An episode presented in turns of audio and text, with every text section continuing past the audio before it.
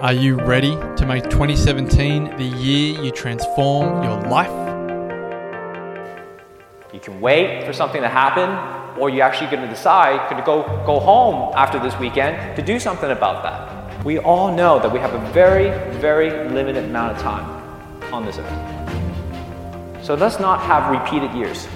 Live your own life. Make the choice, make the decision for your own life. Fear is where you develop courage.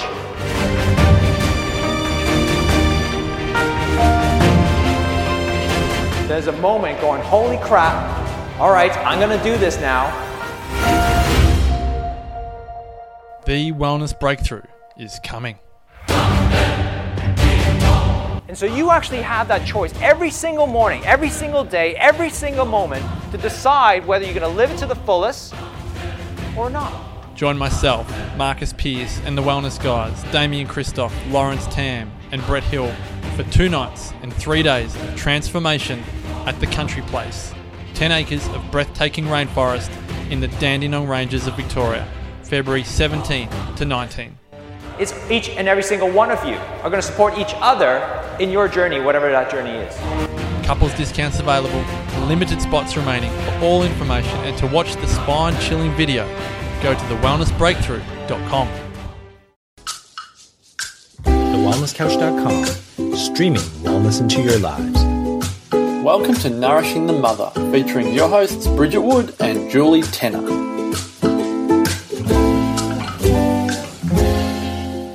Hello, and welcome to Nourishing the Mother. I'm Bridget Wood. And I'm Julie Tenner.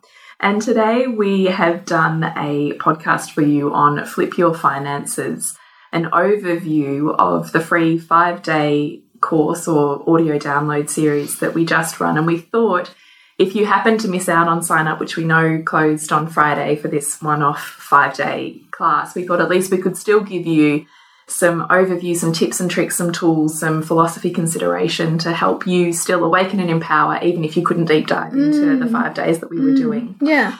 So that's our plan for today is to have another money conversation because we know that money blocks are huge. Yeah. We know that finances affects everyone and that in particular women are often disempowered in the financial sector. Mm-hmm. So we know this is a hugely relevant topic and we want you to build your self-worth along with your self-wealth. Yes. So let's maybe kick it off, Bridget, with um, maybe let's just do a quick overview of the five days, the topics, and then we can pick and choose some bits Mm. Yeah. and pieces from there. What do you Yeah, think? sure. So we had, yeah, as we say, the five days of topics. The first one was really values and ba- balancing your emotions. So for those of us who have been part of the Loathing to Loving program, you'll know a lot about values. If you've listened to the podcast for long enough, you'll know a lot about values. Hopefully. And um, we really, it underpins everything we do. And so our first audio really talked about that and talked about how, you know, money flows in accordance with your hierarchy of values. And so if it's not, if managing money and saving and investing are not within your top five, um, then you're likely can, likely going to have more month at the end of your money than money at the end of your month, which is you, that idea of living kind of week to week and and potentially having some emotional volatility around money because you never quite have enough. Hmm. And the audio really t talks through the the next few modules, which are all about how to you know appreciate money, how to love your debt. So even loving your debt as a concept seems strange, right? Mm, like, why would I really love my debt? Yeah. Like my debt's a source of pain for me. Mm. Um, but it's in fact seeing all the opportunities that debt provides us to um, connect better with our in our relationships, to really work on our mental willpower and strength and focus through our work. It has enormous rewards, and so we really flip that. And that was kind of a big thing for both of us, I think, to just start to to change the conversation you're having with yourself. Definitely, Mm. definitely. And just in general, like that whole principle is what we talk about throughout this podcast is the perception flip, Mm. the the belief flip. And that's just applying it to this one particular form of Mm. money. If it's not doing what you want and you can't approach it in the same way with the same toolkit, Mm. you need a new one. So that's kind of what we talk about there. Mm.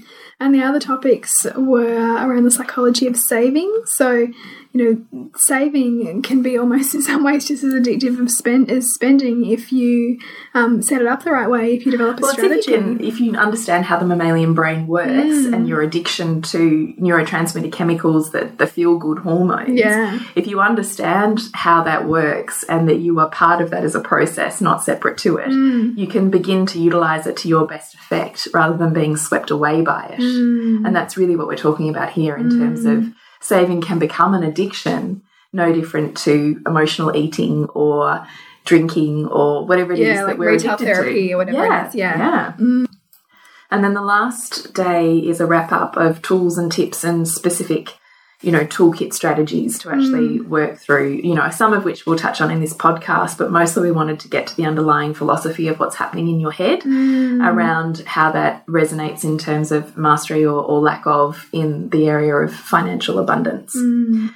Um, now, part of that is, you know, probably wrapped up in each of our stories. So we might start there with our stories and then talk about how we interweave these concepts of realizations around values and um, abundance and gratitude that have, you know, largely formed a sense of, um, I don't know what the word is, financial forward movement. Yeah, and I think story is such a great way to understand and identify with you, your own story. Yeah. I mean, mine certainly um, started quite young, and, and I remember seeking like sort of security from wise financial decision making. Um, and I can still remember like my first bank account and like very carefully writing like when I was depositing savings into my bank account after my you know birthdays when I get given mon money. And you know, I signed signed my first mortgage when I was nineteen with my husband, who had had a house when I met him. He was quite a bit older. Oh, he's quite a bit older.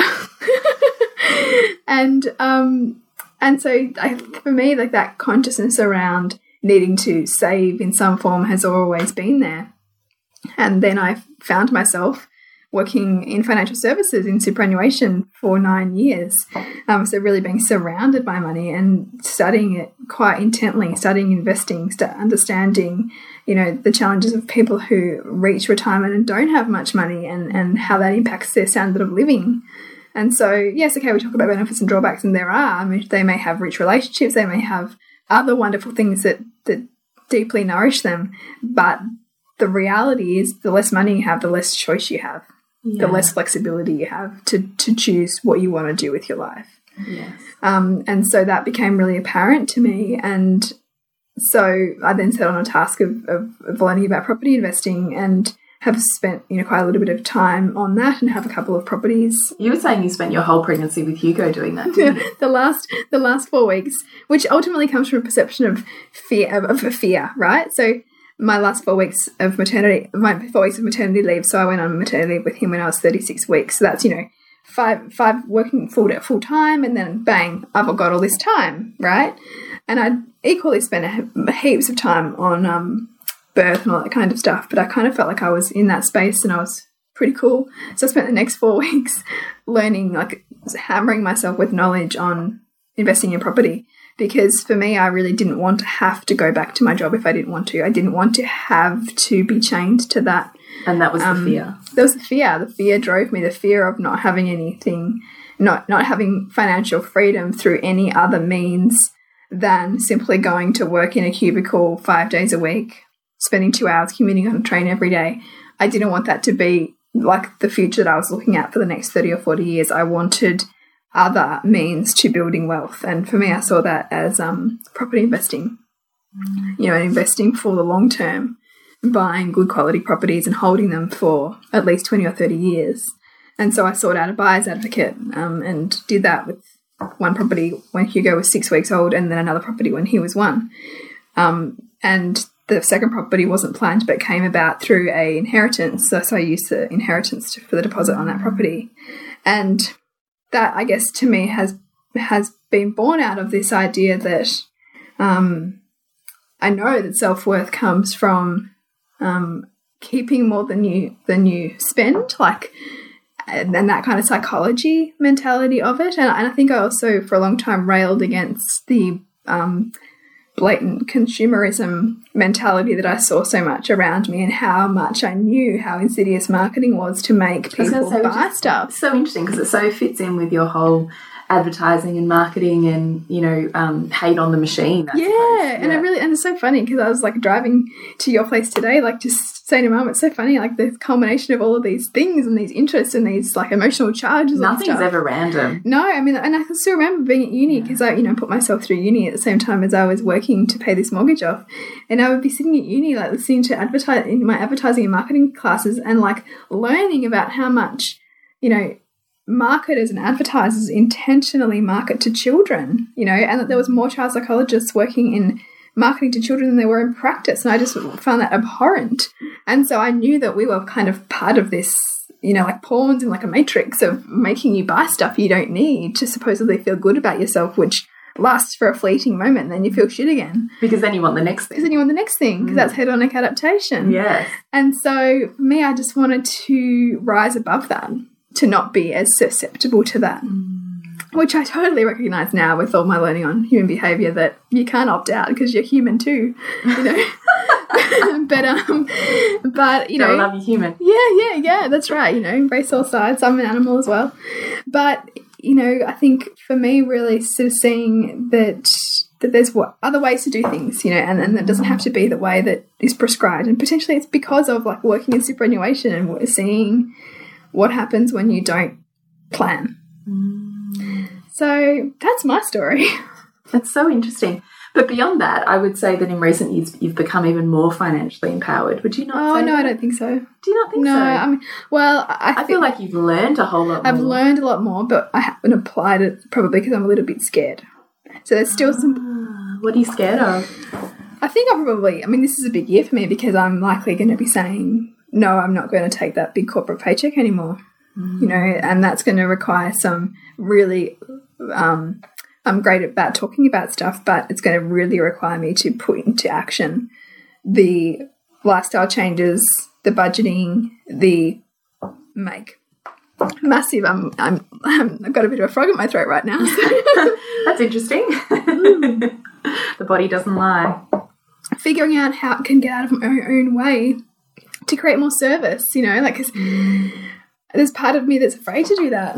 There's part of me that's afraid to be like all of who I am and step out there and and and Show the world. who show the world who I am and, and ask and ask and ask to be valued for that.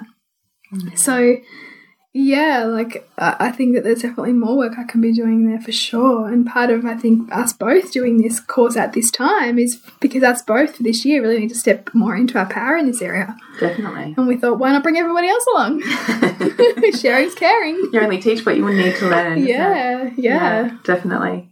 Well, look, I would say my story is the you know polar opposite of yours. I um, grew up in a largely um, non-financial family. So my mother um, is English and grew up in a, a large family in um, poverty in England. You know, post um, post war, you know, um, depressive era. So money, there often wasn't um, money around. Her mother had MS and so was bedridden and ill. She was raised by her elder sister. Um, when they didn't have enough money to feed both her and her next elder sister, they got farmed out to families or family that could after And. I love that you've picked up on that because this is the thing. Epigenetically, we know that their that their experiences impact us. Yeah. And that your own mother's voids will imprint on your voids. Yes. And because that was the story back then. I mean, money even then was even more life or death. Like, 'cause my mum was the youngest of 12, and same thing, my mum's dad died, and there was no. So all of a sudden, you've got a widow with 12 children. You, I just, I almost wish I could meet her because I feel like she must have been one of the most. I know your mum has a huge amount of baggage Yeah. there, but she must have been one of the most incredibly resourceful and innovative and strong women you Mm. could possibly meet. well, interestingly enough, sorry, we'll get back to your story, but No, I like she, it. she she bought a um she bought a, a shop, so she had luckily Which I can't even believe she did that. Well, with yeah. 12 children on her own. Like, could you imagine? I don't know that I could even do that now. Mm. And I'm way more empowered than women were 60 years ago. That's the thing, though, and, I, and that's why I wonder if it's not black and white. Like, wh wh- where was the women's empowerment then? Because we say that they weren't, but maybe they just weren't reported on. Maybe it was behind closed doors. Yeah, So luckily, my grandmother had somebody help, you know, one of their family friends sort of help her make these decisions. But when the freehold, like the holder of the, the owner of the freehold on the shop, because they bought the property, when the owner of the freehold on the the lease for the shop itself had found out he was she was a woman he didn't want to sell it to a woman. So he was like a massive like misogynist, didn't want to sell to a woman, so he made it way more expensive, like made it well above market. Oh and she's already like, you know, like one foot in the door, already got the property and is now he's now trying to make the lease unavailable to her. And so she she then had to she had like one chance with this lawyer who was helping her, and she basically said to the kids, she said, if this doesn't work, you're all going to an orphanage. Like that was what it, that was what was going to have to happen. Like talk about being to, uh, taken to your edge. Like it's just mind blowing, and I think it, I just have reverence like so much for that. What that experience must have been like, you know, potentially just like about to lose all your kids. I just can't even imagine it. Like, it makes me feel Yeah. emotional just even thinking about it, projecting it. It's Yeah. so it's so like blows my mind, right? But this this was life then, you know. Mm. And so then you know you look at like your, your mother and my mother and what values that that then gives them, or what and what voids that plants within them to pursue the life that they then pursue, which then rubs off on us, right? So back to your story, my little No, segue. I find it so interesting. Mm. So, did your mum then flip that into financial empowerment for herself? yeah. Yeah, so interesting. Yeah, it? or bi- in the sense that she was, you know, they're, they're not um, crazy wealthy or anything like that. But for mum, like even when they didn't have much, like she used to write down, um, you know, every week like what she spent money on. So she was she was accounting for where money was going, and always sort of knew where it was. So you know, now in their fifties, they don't have a mortgage and like they have some investments and they, and they live like very, um, you know, like Comfortably. comfortably, but but very not ostentatiously. Like same thing, drive a ten year old car, all of those kinds of things.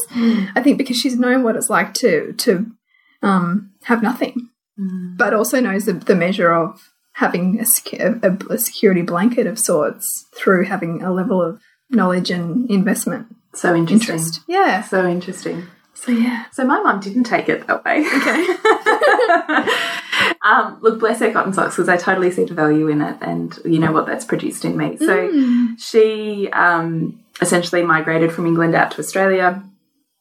She married a guy that her um, family hated and essentially caused disownership. You know, with her dad when they moved out here, and he turned out to be an abusive alcoholic. Blah blah blah. Her dad did.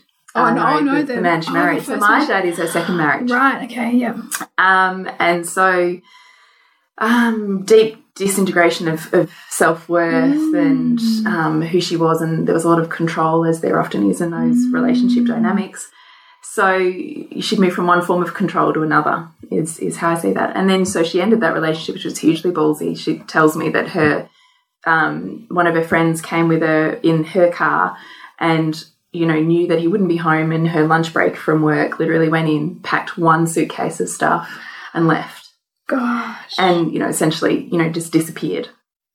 And so her understanding is i mean she left everything. She left all of her photo albums. She left all of her memories. She never got never, never got no he back. burnt it all. You're kidding. and that's it. You know she was done. That door was closed and off she went. So i think that's incredibly ballsy. That's amazing. so um, by that point, her elder sister had migrated out here as well, and so they essentially then um, looked at setting themselves up within the city and working jobs, and she started to find herself again, I think, and um, consequently then met my dad, who's this pretty free spirited, you know, hippie, has a whole lot of altruism kind of philosophy behind him, um, but he's stuck in a corporate job he hates.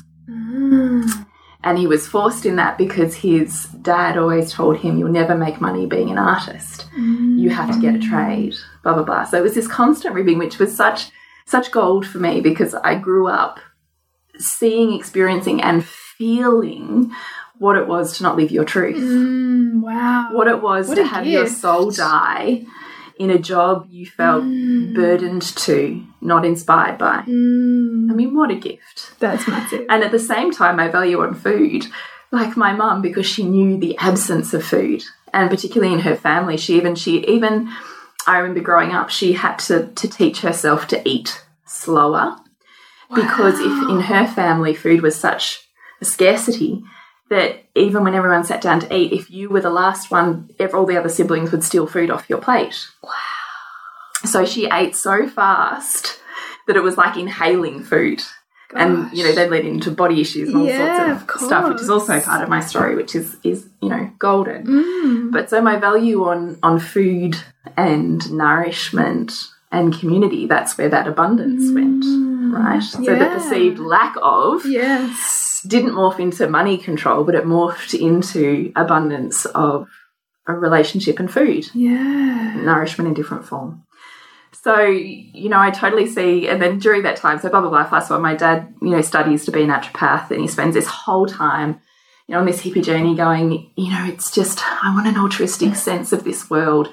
I want to, you know, just give this service because people deserve it and I don't expect monetary value and money's dirty and bad. And like, there's this whole thing And so out he, he had that quite strongly, that kind of. really strongly. How interesting. How interesting, yeah. Hmm.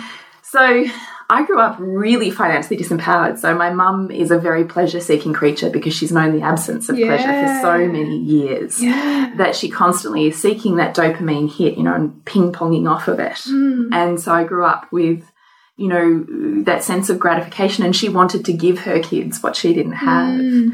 And so spending beyond your means, you know, there's not a longer term View of that. yeah, there's not. Mm. So I grew up probably with that. Not probably, mm. I did. Own it, Julie.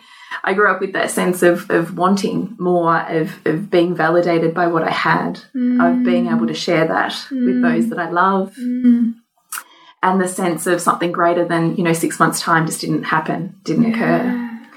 So, um, yeah, I don't even know where to go from there. So I didn't grow up with any, you know, financial empowerment at all, and um, just survived, partied, and you know, lived a life.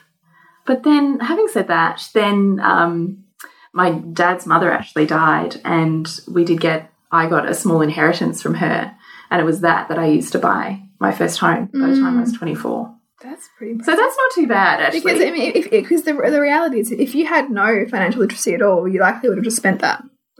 which is what my sister did. Ah, Isn't interesting? yeah.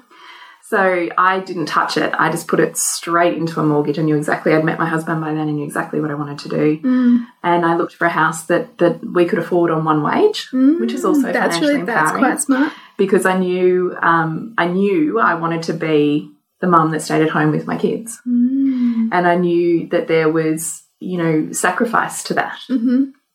That that meant saying no to this lifestyle, this house, Mm-hmm. this mortgage, um, this holiday in order to Mm. That. live that life. And that, That's really what I wanted. wise. And that's what I wanted. So that's what I gave up. So in choosing yes to being a stay-at-home mum, I chose no to a grander lifestyle and all of the ego that goes with that. Yeah. That's hard. And I mean, it, it is a raging party for the ego, like that kind of It's lifestyle. hard. And look, I still struggle with it because my husband's um, friends, largely, he's in a very wealthy circle with you know incredible jobs and multi-million dollar homes, mm. and we're not. I choose a very different path, mm. and and you know I definitely feel conflicted by that sometimes. I constantly, it's constantly a self check for me around what's my self worth, and don't get sucked into the shiny thing because there's mm. always sacrifice there. Yeah. It- you know, there's nothing is ever just shiny and perfect. No. You know, would I to have that, and I could have it if I wanted it? Mm. Would I work full time? Would I sacrifice my relationship? Would I not be around for my kids? Would it mean they didn't have extracurriculars? Would it mean I couldn't pursue a career that I love? And saying no to all of those top values of mine, I couldn't do it. I would be torn apart like my dad was. Mm, wow. So I choose. What a gift he gave you to te- to to say to because he didn't honor that. Yeah. Gave you the impetus to honor it in yourself. Totally, but how hard is that to, to live in that? I think, you know, that that constant desire for more, mm. that hedonic adaptation, that, you know, I reach that goal mm. and then I want the next goal. Mm. The being able to stay where you are. And you and I both you had said to me you'd watched that minimalism documentary and I just watched it this week. And it just I just loved it. I just thought, why do I get swept up in this, you know, passionate feeling of the more and the next and the prettier and mm. the the thinking that I have to have X, Y, and Z in order for my children to be safe and happy or, Yeah. or whatever. And I realized that my small home doesn't need to be an enormous home. That in fact there's enormous value in families being forced to live together really, in a small space. I really believe that. Yeah. I totally know that's true, mm. and yet for some reason I had blocked it from really feeling the reality of that. Mm. I constantly was seeing the drawbacks to my children sharing rooms or having only one bathroom, or you know, and all of their friends have their own living space and their own quarters and their own da da da da da da. And yet I see so deeply and know that particularly as our kids get older, being shoved away and having their own house access, their own space, never having to rub shoulders with any other member of the family mm. if they don't want to, wanting to be separate from mum and dad, it allows for so much disconnection mm. and loss of family unit mm. and lack of growth. That in fact, the most rounded people that I know have come from generally larger families in smaller quarters Yeah. who've gone camping for holidays. Mm. Why do you think mm. that is? Yeah. It's because when you're forced to live intimately with other humans, you are forced to face yourself constantly and grow through those relationships. It's really true. And you're forced to do all of those things like, you know, share and make compromises mm. and, you know, Be aware of others. yeah, be conscientious. And I want my children intimately in my life. I don't want them to be teenagers and all of a sudden home's just a place to be fed. Mm. I want the interaction and largely not having a space where they can escape that Yeah. facilitates that. Yeah. Absolutely. So, you know, long story short, though, I do want to have more mastery over where my money goes, which is why it was fantastic. I said to you um, in one of these five series things was when I started to read books on finances, the biggest toolkit for me was starting to have a financial conversation every day. Because money was so shameful for me and so emotionally kind of ping pongy mm. that I just never discussed it because it was very closeted. Mm. Whereas being able to bring it out into the open and even say to, you know, my friends, no fucking idea what I'm doing here. Like, this is, I feel like this and this is happening, and da da da. Mm. And to have someone go, oh my God, that's me too. Or someone go, oh, really? Here's what I do. And then my other friend who says, oh, well, I do it this way. And I went, oh my God, this is amazing. So awesome. I'm getting so much information and power and therefore empowerment to make mm. choice. You don't have choices unless you know what they are yeah. Yeah. is you know hugely empowering and along with that comes a sense of self and probably a stronger dedication to the path that I'm walking mm. because I know that financial freedom can be part of that. Yeah. It just doesn't look the way that society has packaged it. Exactly, and that's that. I mean, that's the biggest learning and realization I think for both of you and I on this path of doing what we love is that when you figure out what you love and you figure out how to serve people from that place, it is so deeply nourishing for both you and for the person that you're serving. Mm-hmm. And and I think that the opportunity for that is exponential when we will tap into that. And that's abundance too, isn't it? That we, we mm. talk about this in terms of everyone has abundance. No one is without abundance, mm. but abundance comes in more forms than just money. Now, you can produce the form or have mastery over starting to channel the form of abundance in money within your highest values, but mm. first recognize where your abundance lies. And it will lie in the areas of your life that are most important to you mm. your values. Is it your career? Is it your family? You know, um, is it health and well being? Is a personal development? Where is your richness? Where is your wealth? Mm. Where is the abundance that is not money but is in another form? Mm. That Joe Blow next to you or next door doesn't have that form of abundance. Mm. And you and I talk about this all the time the gratitude that has come from having just those conversations with you, Bridget. And well, okay, where does your abundance exist? Ah, an enormous abundance on health and well-being. Yeah. Have enormous abundance in in parenting and relationships. And um, and the thing is, this is this isn't an, an exercise in letting your ego rage rage un, un, unhindered either. It's it's getting real because the reality is, otherwise we get stuck comparing ourselves to how we think we should be. it's being able to see your magnificence. Yeah, and and it requires you to keep asking yourself the question because so often we can't see it. You know, we really can't see our our own you know Genius. genius, consciously. We know it's there, but but there's so much else demanding of us to be a certain way, do a certain thing, to have this other thing that we can so easily try and fit ourselves into that box that says that this is who you should be. But you are exactly who you should be right this second. And it's about asking yourself the question of where is that abundance? What you know, what does it look like? How can I bring it more out into this world? How can I share it? It's as you say all the time, it's about asking yourself better quality questions. Mm, mm. Which is totally what we work through in Loathing to Loving. It is. It's just knowing better quality questions so you can get the more authentic answers. Mm. So we've got to wrap this podcast up, Bridge. So let's just do maybe three um, specific tools that we would love our tribe to take away to start awakening their empowerment around their own financial abundance. Yeah. I think number one has to be know your values. It's just critical because unless you know those values and you can start to see how you spend and live your life in accordance to those, you know, it, it'll trump you every time. You can you can try every strategy under the sun, but until you actually know those intimately and then can maneuver the way that you express them, mm. that's key. It is key.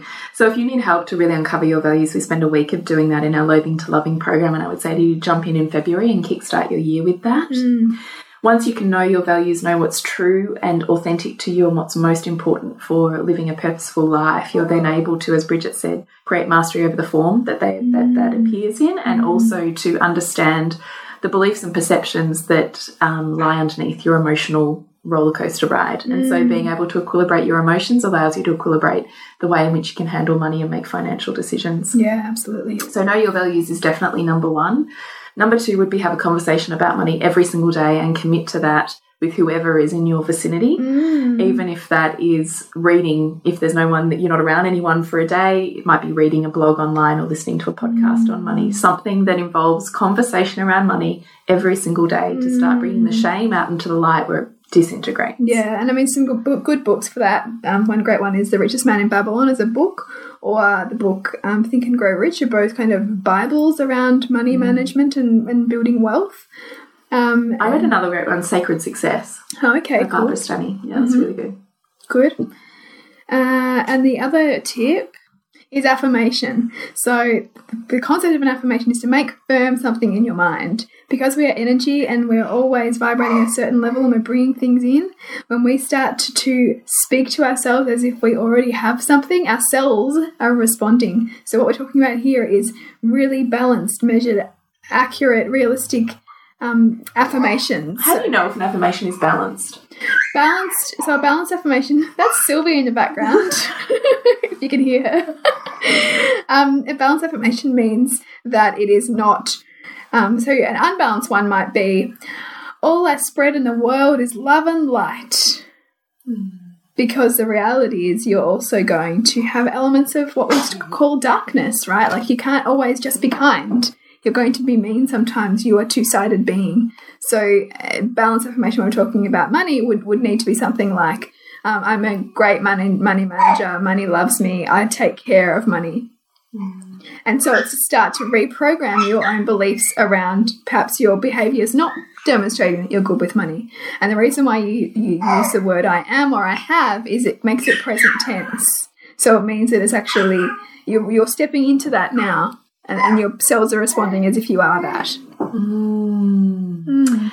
So we really hope that you have enjoyed our deep dive into financial history from both of us. Yeah, yeah, that was kind of a bit of a segue. I hope that was okay. I think it's great in terms of understanding your story. yeah, yeah. So understanding your financial story is also hugely important mm. and that you're able to apply at least a few tools from what we've said and we would love any interaction you have on our Facebook page at Nourishing the Mother because we definitely love to have these conversations offline mm. as well as on. This is your tribe. This is your tribe of women on the same path, just like you, just like us, all wanting to connect and move forward in, you know, fantastic empowerment and motion. Yes. Sylvie's cheering us on in the She sure is.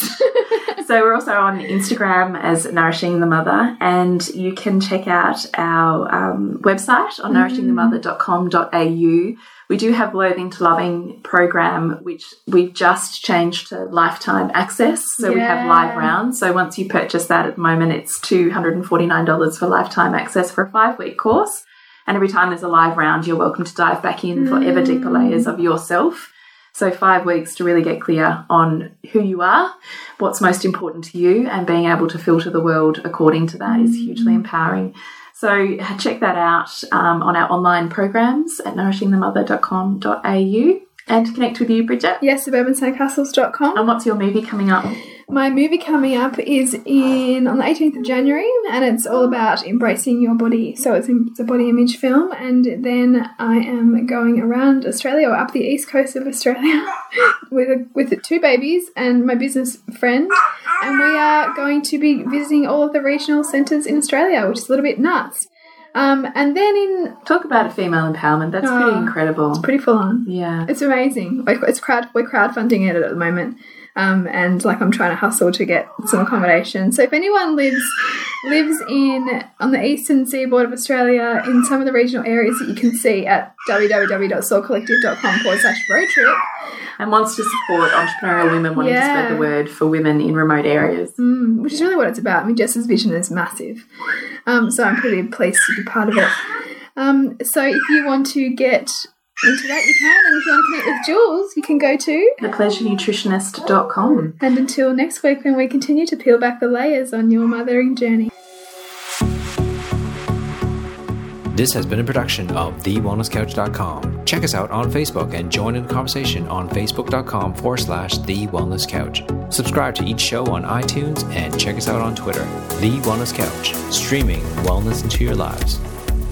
Whilst the Wellness Couch presenter endeavor to provide accurate and helpful information to their listeners, these podcasts cannot take into account individual circumstances and are not intended to be a substitute for health and medical advice from a qualified health professional. You should always seek the advice of a qualified health professional before acting on any of the information provided by any of the Wellness Couch podcasts.